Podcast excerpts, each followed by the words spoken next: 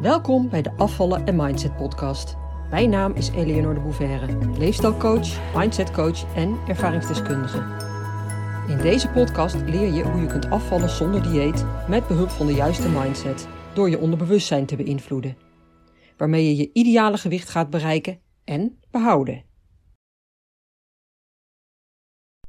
Welkom bij de Afvallen en Mindset podcast, aflevering 19. Excuses en zelfsabotage. Ja, weer een nieuwe podcast. En ik moet zeggen dat ik de smaak behoorlijk te pakken heb. Zeker omdat ik zoveel leuke reacties krijg. En wat ook leuk is, ik stuur regelmatig linkjes van specifieke aflevering door aan mijn klanten of aan mensen met wie ik bijvoorbeeld een gesprek heb gehad. En daar reageren zij dan weer op. Vaak zijn ze dan enthousiast omdat ik in die aflevering natuurlijk iets vertel dat ook hen aangaat. En dan is het net of ik die podcast voor hen heb opgenomen. En dat is, ja, is gewoon ontzettend leuk. Klanten die mijn podcast hebben geluisterd, komen ook regelmatig daarop terug. En dan heeft het ze bijvoorbeeld aan het denken gezet en hebben ze vragen daarover. En het stimuleert dus ook de interactie met mensen, voor wie ik het allemaal doe. dat vind ik echt vind ik echt geweldig en ook ontzettend waardevol. Dus bij deze ook meteen de uitnodiging. Heb jij vragen over een bepaalde podcastaflevering of wil je bijvoorbeeld dat ik over een bepaald onderwerp juist een podcast opneem? Kom maar door. In deze aflevering wil ik het gaan hebben over zelfsabotage. En dat is een onderwerp dat iedereen wel herkent.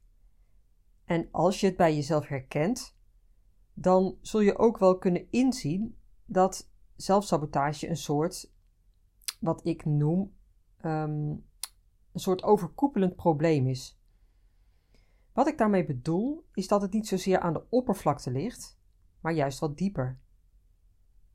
En daarmee je pogingen om af te vallen te niet doen of ondergraaft. dus aan de oppervlakte vertoon je bepaald gedrag, maak je keuzes. Maar daaronder is een mechanisme werkzaam waarmee je jouw keuzes of acties tegenwerkt. Het is een, het is een soort, uh, ja, noem het een soort tegenstroom. Iets binnenin jou wat je tegenwerkt. En daarmee is het vaak ook minder grijpbaar. En nu noem ik zelfsabotage een overkoepelend probleem, maar je zou het dus ook anders kunnen definiëren als een onderliggend probleem. Dus als iets wat juist onder je praktische gedrag ligt. Het is hoe dan ook minder grijpbaar. Je hebt er minder grip op. Dat komt omdat het gaat om aansturing vanuit je onderbewustzijn. Je wilt afvallen en daar ben je bewust mee bezig. Dat is bewust gepland gedrag.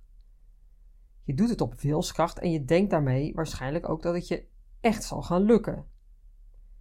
Tenminste, als je die hoop nog hebt, hè? Dus als je net gestart bent met je dieet, dan heb je die hoop vaak nog. Immers, ja, je wilt het hartstikke graag je bent echt gemotiveerd. Dus het moet en het zal je lukken. En je hebt de aanname dat dat voldoende is, die motivatie. Maar wat ik natuurlijk ook al eerder heb gezegd, op wilskracht is dat altijd maar even. Hè? Dat duurt nooit lang. Want als je onderbewustzijn, uh, want je, je onderbewustzijn um, neemt het eigenlijk heel snel weer van je over. En meestal is dat het geval. En juist omdat je bepaald gedrag al zo lang vertoont, hè, dus dat het een patroon is, is dat wat jouw onderbewustzijn ook kent. Het weet niet beter. Het is dat ingesleten olifantenpad waar je al duizenden, misschien wel tienduizenden keren overheen gelopen bent. En wat een automatisme is geworden. Het is automatisch gedrag. Dus je onderbewustzijn trekt je als het ware weer terug naar beneden. Those old habits. Maar dat is niet het enige wat meespeelt. Want wat ook het geval is, het primitieve deel van je hersenen wil jou veilig houden. En nu spelen er twee dingen. Het ene is dat je jezelf restricties oplegt. En het andere is dat het gewoon helemaal niet leuk is. En laat dat nou net twee dingen zijn waar je primitieve brein zich heel graag mee bemoeit. En wat het zo snel mogelijk ook weer recht wil zetten. Ja, helaas. Want restricties, dus beperkingen, dat wil het absoluut niet. Jouw primitieve brein is gericht op overleven. En vanuit de oertijd weet het dat beperkingen ten aanzien van voedsel, dus voedseltekort, zo snel mogelijk opgelost moeten worden. Want als je tekort hebt aan voedsel, dan is dat een bedreiging voor je voortbestaan. Dat was in de oertijd dus zo, hè? Tegenwoordig is dat natuurlijk ja, totaal anders. Maar dat weet jouw primitieve brein niet. Dat werkt uitsluitend instinctief en automatisch. Er zit geen redenering in. En dan kun je natuurlijk zeggen of denken dat je met je logische, hè, je, je kritische brein, dat, dus meer, dat dus meer is ontwikkeld, je menselijke brein, dus die neocortex, dat je daarmee wel daartegenin kan gaan. En dat je die zogenaamde logica van je primitieve brein wel teniet kan doen. Maar zo simpel is het dus niet. Je primitieve brein stuurt jou simpelweg aan. In die situaties waarin het erop aankomt. Als een gevaar dreigt, en een tekort aan voedsel is een potentieel gevaar, dan springt het in de bres.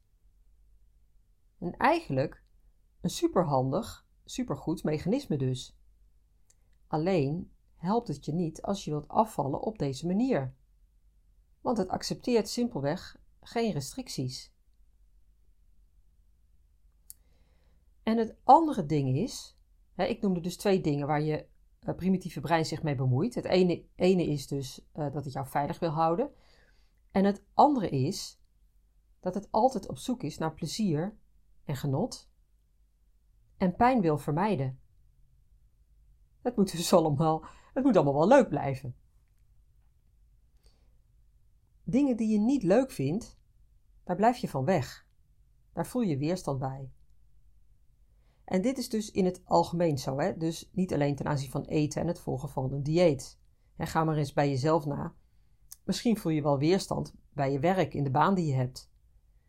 En hopelijk niet elke dag, maar als je zo nu en dan eens baalt van je werk, dan is dat helemaal niet vreemd natuurlijk. Want er zijn altijd wel leukere dingen te doen, toch? Ik bedoel, ik heb zelf ook heel veel plezier in mijn werk. Maar ik ga ook heel graag met mijn kinderen leuke dingen doen. En in de vakantie speelde dat bijvoorbeeld wel eens, dat zij dan naar het strand gingen omdat het supermooi en warm weer was. En dan had ik afspraken. Nou, natuurlijk voelde ik dan ook wel eens gezonde weerstand. En trouwens, nu mijn drie puberdochters weer naar school zijn, is dit trouwens ook bij hen weer heel goed zichtbaar. ze sleuren zich echt door de dag heen, lopen te klagen over alles wat er natuurlijk niet klopt. op school, in een rooster, aan docenten, bij klasgenoten. Neem het. En het is altijd weer de kunst om daar vooral niet tegenin te gaan, hè? ze te steunen, dus te, te stimuleren. En tegelijkertijd vooral weg te blijven uit hun negatieve gedrag. Dat is echt een uitdaging. En als je zelf pubers hebt thuis, of hebt gehad, dan begrijp je precies wat ik bedoel. Maar dat is een ander onderwerp natuurlijk. Um, dingen die je leuk vindt, waar je passie voor voelt, die doe je graag. En misschien heb je wel een hobby waar je jezelf helemaal in kan verliezen. Maar dingen die gewoon echt niet leuk zijn, die wil je niet. En dat is dus ook zo met een dieet. Zeker als je gaandeweg de motivatie begint te verliezen. En natuurlijk al helemaal als je geen, of te weinig, hè, of niet snel genoeg, resultaat van je inspanningen ziet. Want ja, waar, waar doe je het dan allemaal voor? Maar ook los daarvan is het volgen van een dieet niet leuk, per definitie niet. Want je moet van alles en je mag van alles niet. Je bent niet vrij.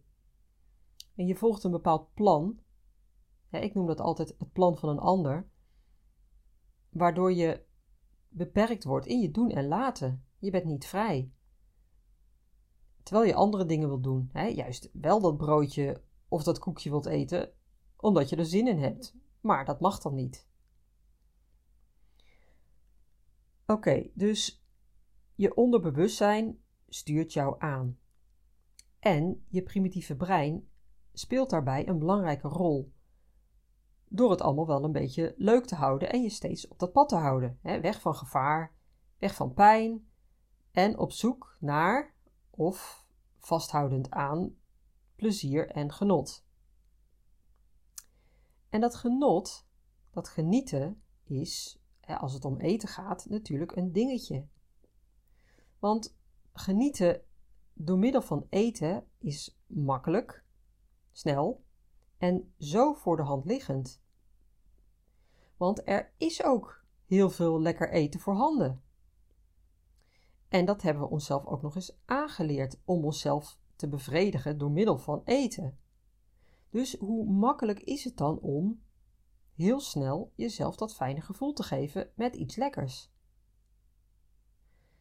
En eten functioneert daarmee dus meestal als beloning.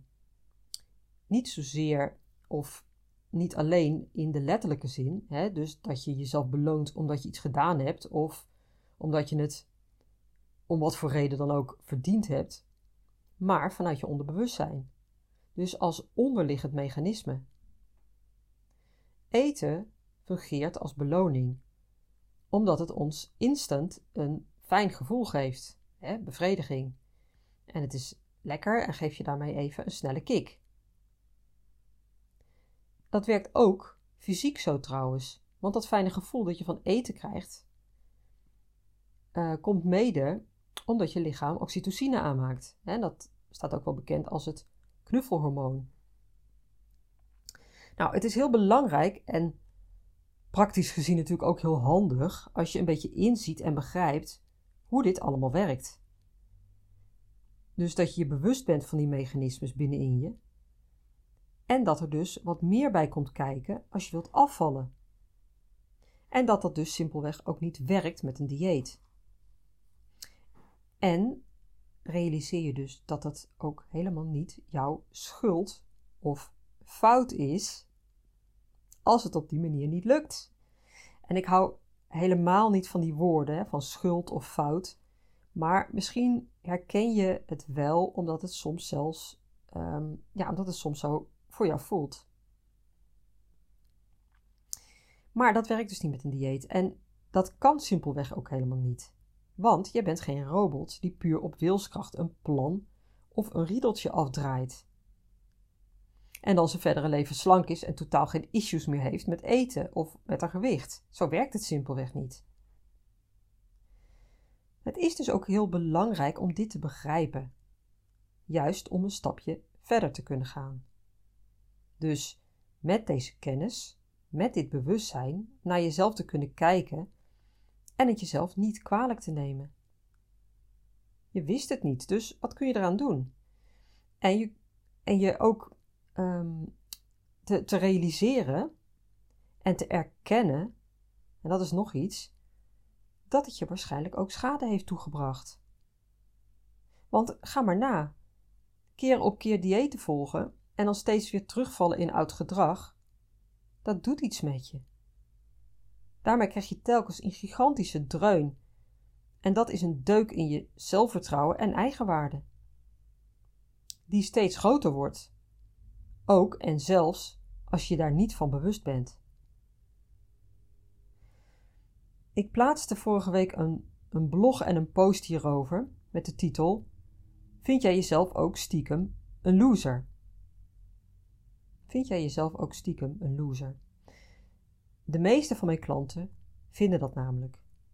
Op het moment van intake. dus als ze bij me binnenkomen, als ze starten. Dan vinden ze zichzelf een loser. En dat komt dus hierdoor. Al van alles gedaan, al zo lang bezig en nog steeds zit je met dat overgewicht. En de redenering is dan dus: ja, dan moet je wel een enorme zwakkeling zijn. Dat je het niet kunt terwijl je het zo graag wilt. En dat is dus niet zo. En nu snap je ook waarom. En mag je dat oordeel over jezelf volledig loslaten. Echt, laat het los, omdat het gewoon niet waar is. Maar ook omdat zo'n onterecht oordeel jou absoluut niet verder helpt. Het steunt je niet, integendeel, het saboteert je. En hiermee kom ik terug op het onderwerp van deze podcastaflevering, zelfsabotage. En ik had het al eerder benoemd als een overkoepelend of juist een onderliggend probleem. Het is niet altijd direct zichtbaar of grijpbaar. Maar als je je bewustzijn hierover vergroot, dan kun je het wel beter herkennen. Ik leg dat wel eens uit alsof je van een afstandje naar jezelf gaat kijken. Externaliseren, als een buitenstaander naar jezelf kijken, je eigen gedrag observeren. Zien wat je doet. Als je je bewust wordt van je eigen gedrag, maak je de weg naar verandering vrij. Bewustwording is dus eigenlijk die eerste stap. En ik zou je willen uitnodigen om het voor jezelf de tijd te nemen om dat gewoon te doen. En misschien pen en papier te pakken en te gaan opschrijven wat je bij jezelf ziet. Welke patronen je hebt waarmee je jezelf absoluut niet helpt. Die in de weg staan om dat fijne gewicht te bereiken, maar die je toch steeds weer doet, terwijl je het eigenlijk niet wilt. Maar op het moment zelf, dan doe je het toch weer. En ik zal een paar situaties noemen, uh, of gedragingen, die ik veel van mijn klanten terughoor. Dus voorbeelden van zelfsabotage. Nou, wat vaak gebeurt, en dit heeft heel erg met die dieetmentaliteit te maken, is het houden aan een plan, hè, aan afspraken, aan een, aan een dieet, of hoe je het dan ook wilt noemen. En dan in een lastige situatie komen, een, een zwak moment. je moet je aan het plan houden, maar nou, vul zelf maar in. Je drinkt een kopje koffie in de stad en krijgt er een koekje bij. Um, je rijdt smiddags van je werk terug naar huis. Je bent moe en gestrest. En je voelt de onweerstaanbare behoefte aan een stuk chocola. Of um, je man heeft gekookt. Een lekkere, makkelijke hap. Boordevol koolhydraten. Wat je nou net niet wilde en wat niet volgens jouw plan was. Maar om de lieve vrede te bewaren en niet moeilijk te doen, eet je maar gewoon wat er op tafel staat. Of ook wel een leuke. Je dochter heeft koekjes gebakken en je kunt het niet maken om er niet eentje te proeven. Zo'n moment zelf kan al een vorm van zelfsabotage zijn. bijvoorbeeld dat koekje bij, de, bij dat kopje koffie in de stad wat je als excuus gebruikt. Want ja, één koekje, wat maakt dat nou uit? Dus je neemt het, jezelf wijsmakend dat het niets uitmaakt, dat ene koekje. En uiteraard word je van één koekje niet meteen dik, maar dat is niet waar het hier over gaat. Waar het om gaat, is dat je het voor jezelf niet helder hebt gemaakt van tevoren wat je wilt en doet in zo'n situatie. En dus laat je je overroelen door de situatie en gebruik je het als excuus. Waarmee je afwijkt van je plan en daarmee weer in dezelfde cirkel terechtkomt als waar je voorheen ook al in zat. Want dit is herkenbaar voor je, dat is oud gedrag. En ik zeg dus niet dat je geen koekje zou mogen eten, maar bedenk wel van tevoren wat je met zo'n situatie zou willen. Wil jij gewoon een koekje eten bij de koffie? Of misschien een gebakje? Dan is dat een keuze. Maar zorg dat je zelf aan het stuur staat. En dat je ook volledig achter die beslissing staat. Als dat zo is, dan hoeft het op dat moment zelf helemaal geen issue te zijn. Want dan is de keuze al gemaakt. En in zo'n situatie, als je kind dat koekjes bakt, hè, als je dochter koekjes gaat bakken, ja, als een van mijn dochters dat zou doen, ja, dan, dan zou ik zelf ook een koekje proeven. Al is het maar om te delen in de vreugde en haar die erkenning te geven. Hè? Lekkere koekjes. Hmm. En zo'n situatie van een avondmaaltijd, dat is ook trouwens zoiets dat veel van mijn klanten als excuus gebruiken. Ja, ik kan er niets aan doen. Hè? Dan staat er een pan met pasta met roomsaus op tafel. Ja, en natuurlijk eet ik dan gewoon mee. Maar realiseer je, ook dat is een keuze. En dit is ook iets wat je uitstekend van tevoren kan voorbereiden, waar je op kan anticiperen. Alleen al door het er met je partner over te hebben. En ook te bedenken van hoe zou dit anders kunnen?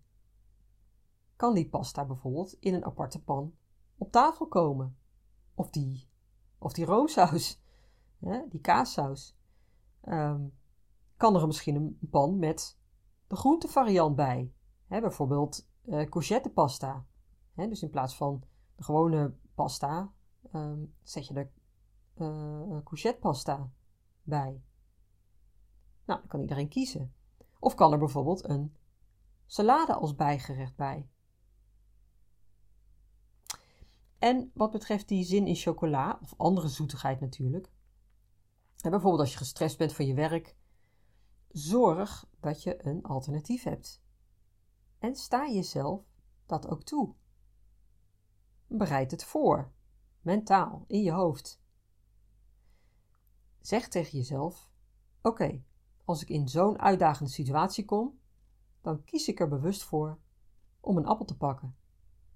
En, en nou noem ik een appel, maar het voordeel van een appel is trouwens ook dat het een hele hoge verzadigingsgraad heeft.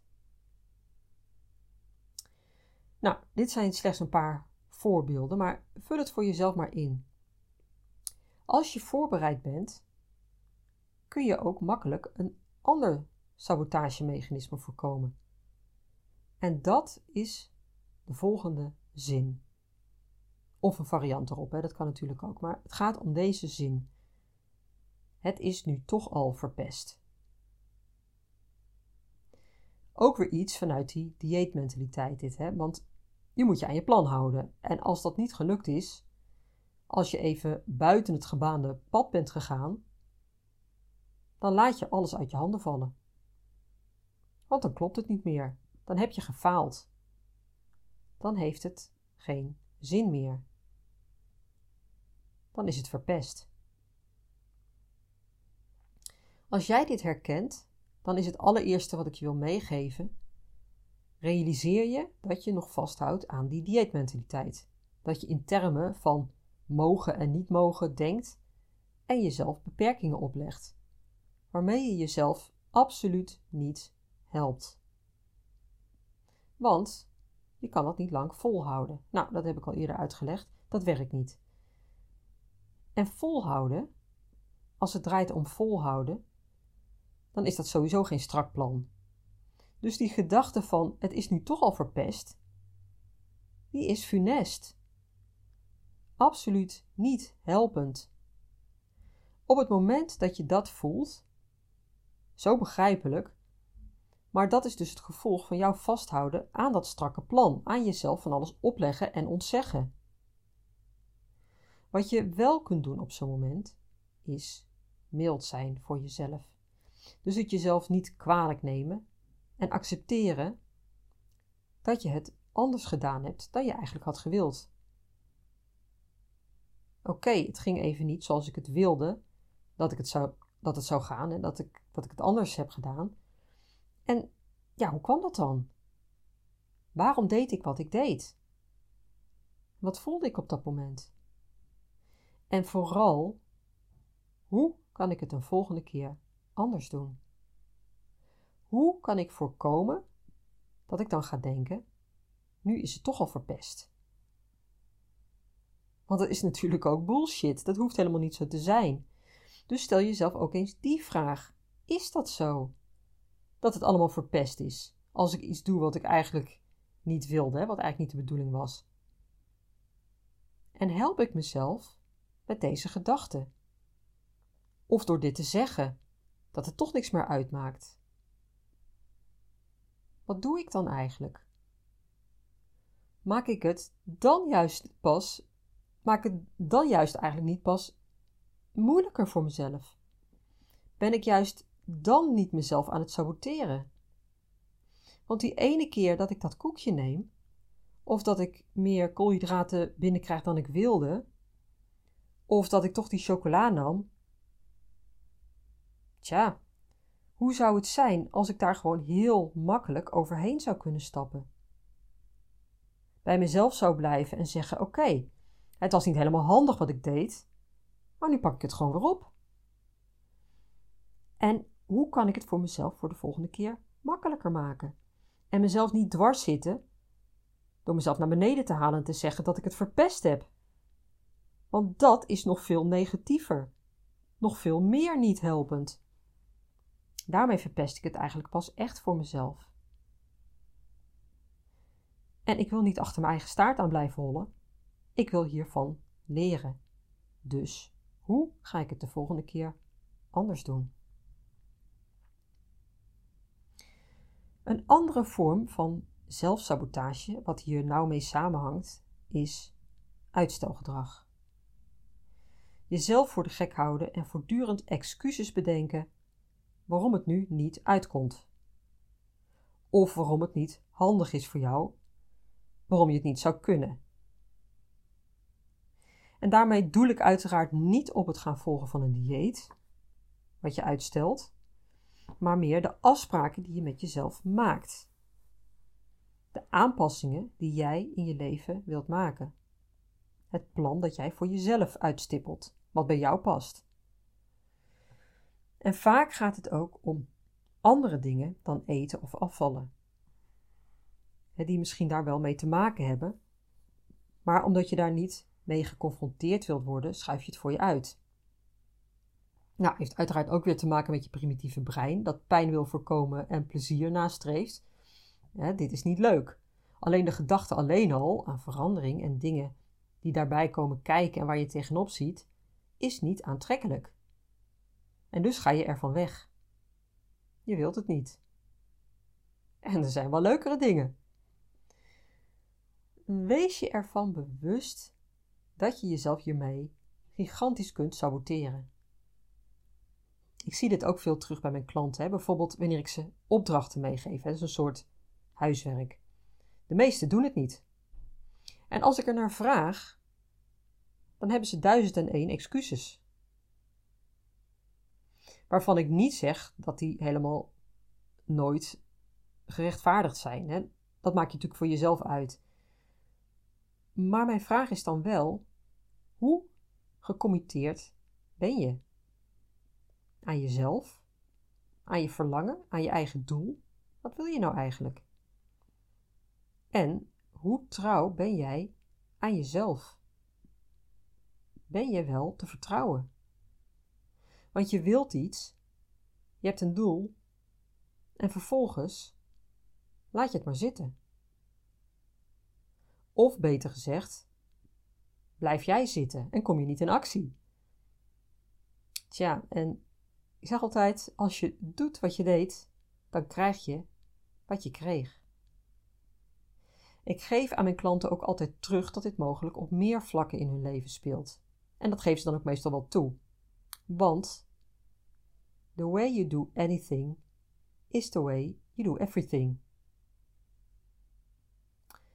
En hier herkennen we allemaal iets van trouwens, hè, in meer of mindere mate. Niets menselijk is ons vreemd, zeg ik altijd. En dat heeft dus ook met je primitieve brein te maken. Het houdt je lui en gemakzuchtig, of tenminste dat wil het. Het wil je lui en gemakzuchtig houden. Je wilt het wel vanuit je bewuste brein, maar hoppa, dan verval je weer in dat oude patroon. Dat oude, ingesleten olifantenpaadje. En we trekken alles uit de kast om het goed te praten. Werkelijk alles.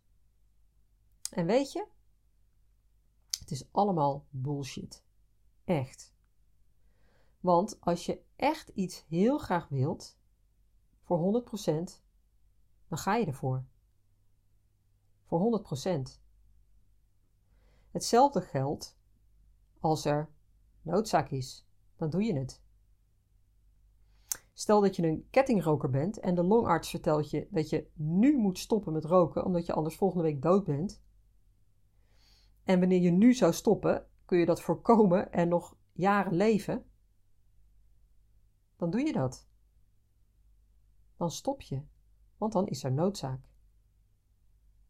En als het gaat om gedragsverandering, wordt daarom ook wel eens gezegd, advies gegeven, dat je voor jezelf de noodzaak moet vergroten.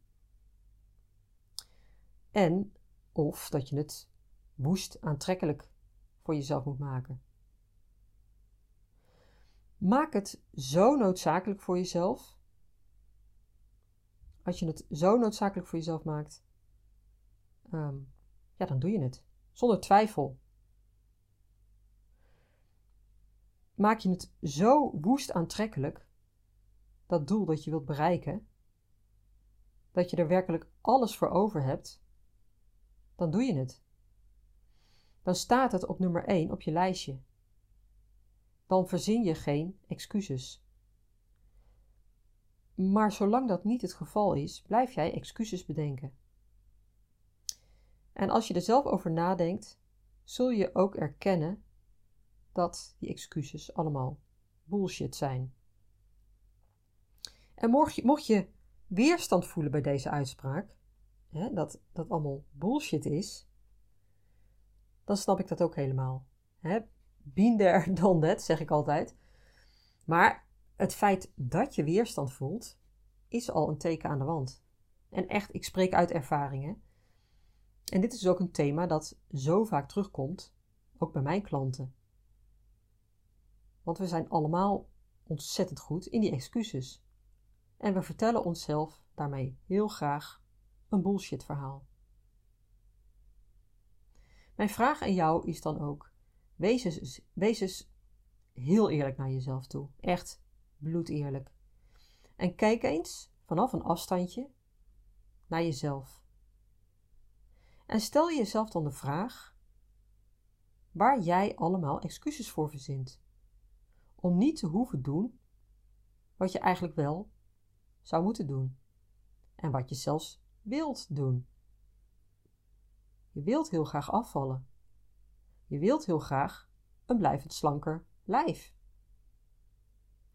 Maar waarvan je misschien niet de directe winst ziet, of wat pijn doet, of waarvoor veel leukere alternatieven te bedenken zijn, en waarvoor je daarom allerlei uitvluchten bedenkt.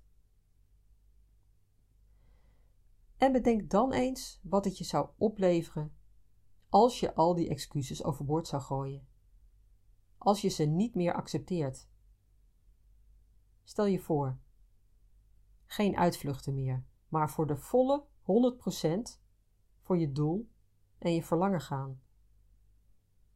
Hoe ziet je leven er dan over een maand? Of over twee maanden, over vier maanden? Of over een jaar hoe ziet het er dan uit? Hmm. Nou, ik zal nog eens een, eh, een andere keer in een andere podcastaflevering wat dieper op dit thema, op zelfsabotage ingaan. Want het punt is namelijk dat ook hier heel vaak angst aan ten grondslag ligt. Angst voor verandering. En wat ik ook regelmatig tegenkom, is het op een dieper liggende laag jezelf niet toestaan. Je mag eigenlijk helemaal niet afvallen. Of het niet willen. Hè? Je wilt eigenlijk niet afvallen, omdat die extra kilo's jou op een bepaalde manier dienen. Hè, ze zijn ergens goed voor, bijvoorbeeld omdat ze je bescherming bieden. En daar ben je dan niet van bewust. Hè? Dat is dus iets wat in je onderbewustzijn speelt. En wellicht kun je hier helemaal niets mee. En het hoeft ook helemaal niet, hè? de meeste mensen zullen misschien denken: wat is dat nou voor onzin? er zit echt totaal niets positiefs in mijn overgewicht.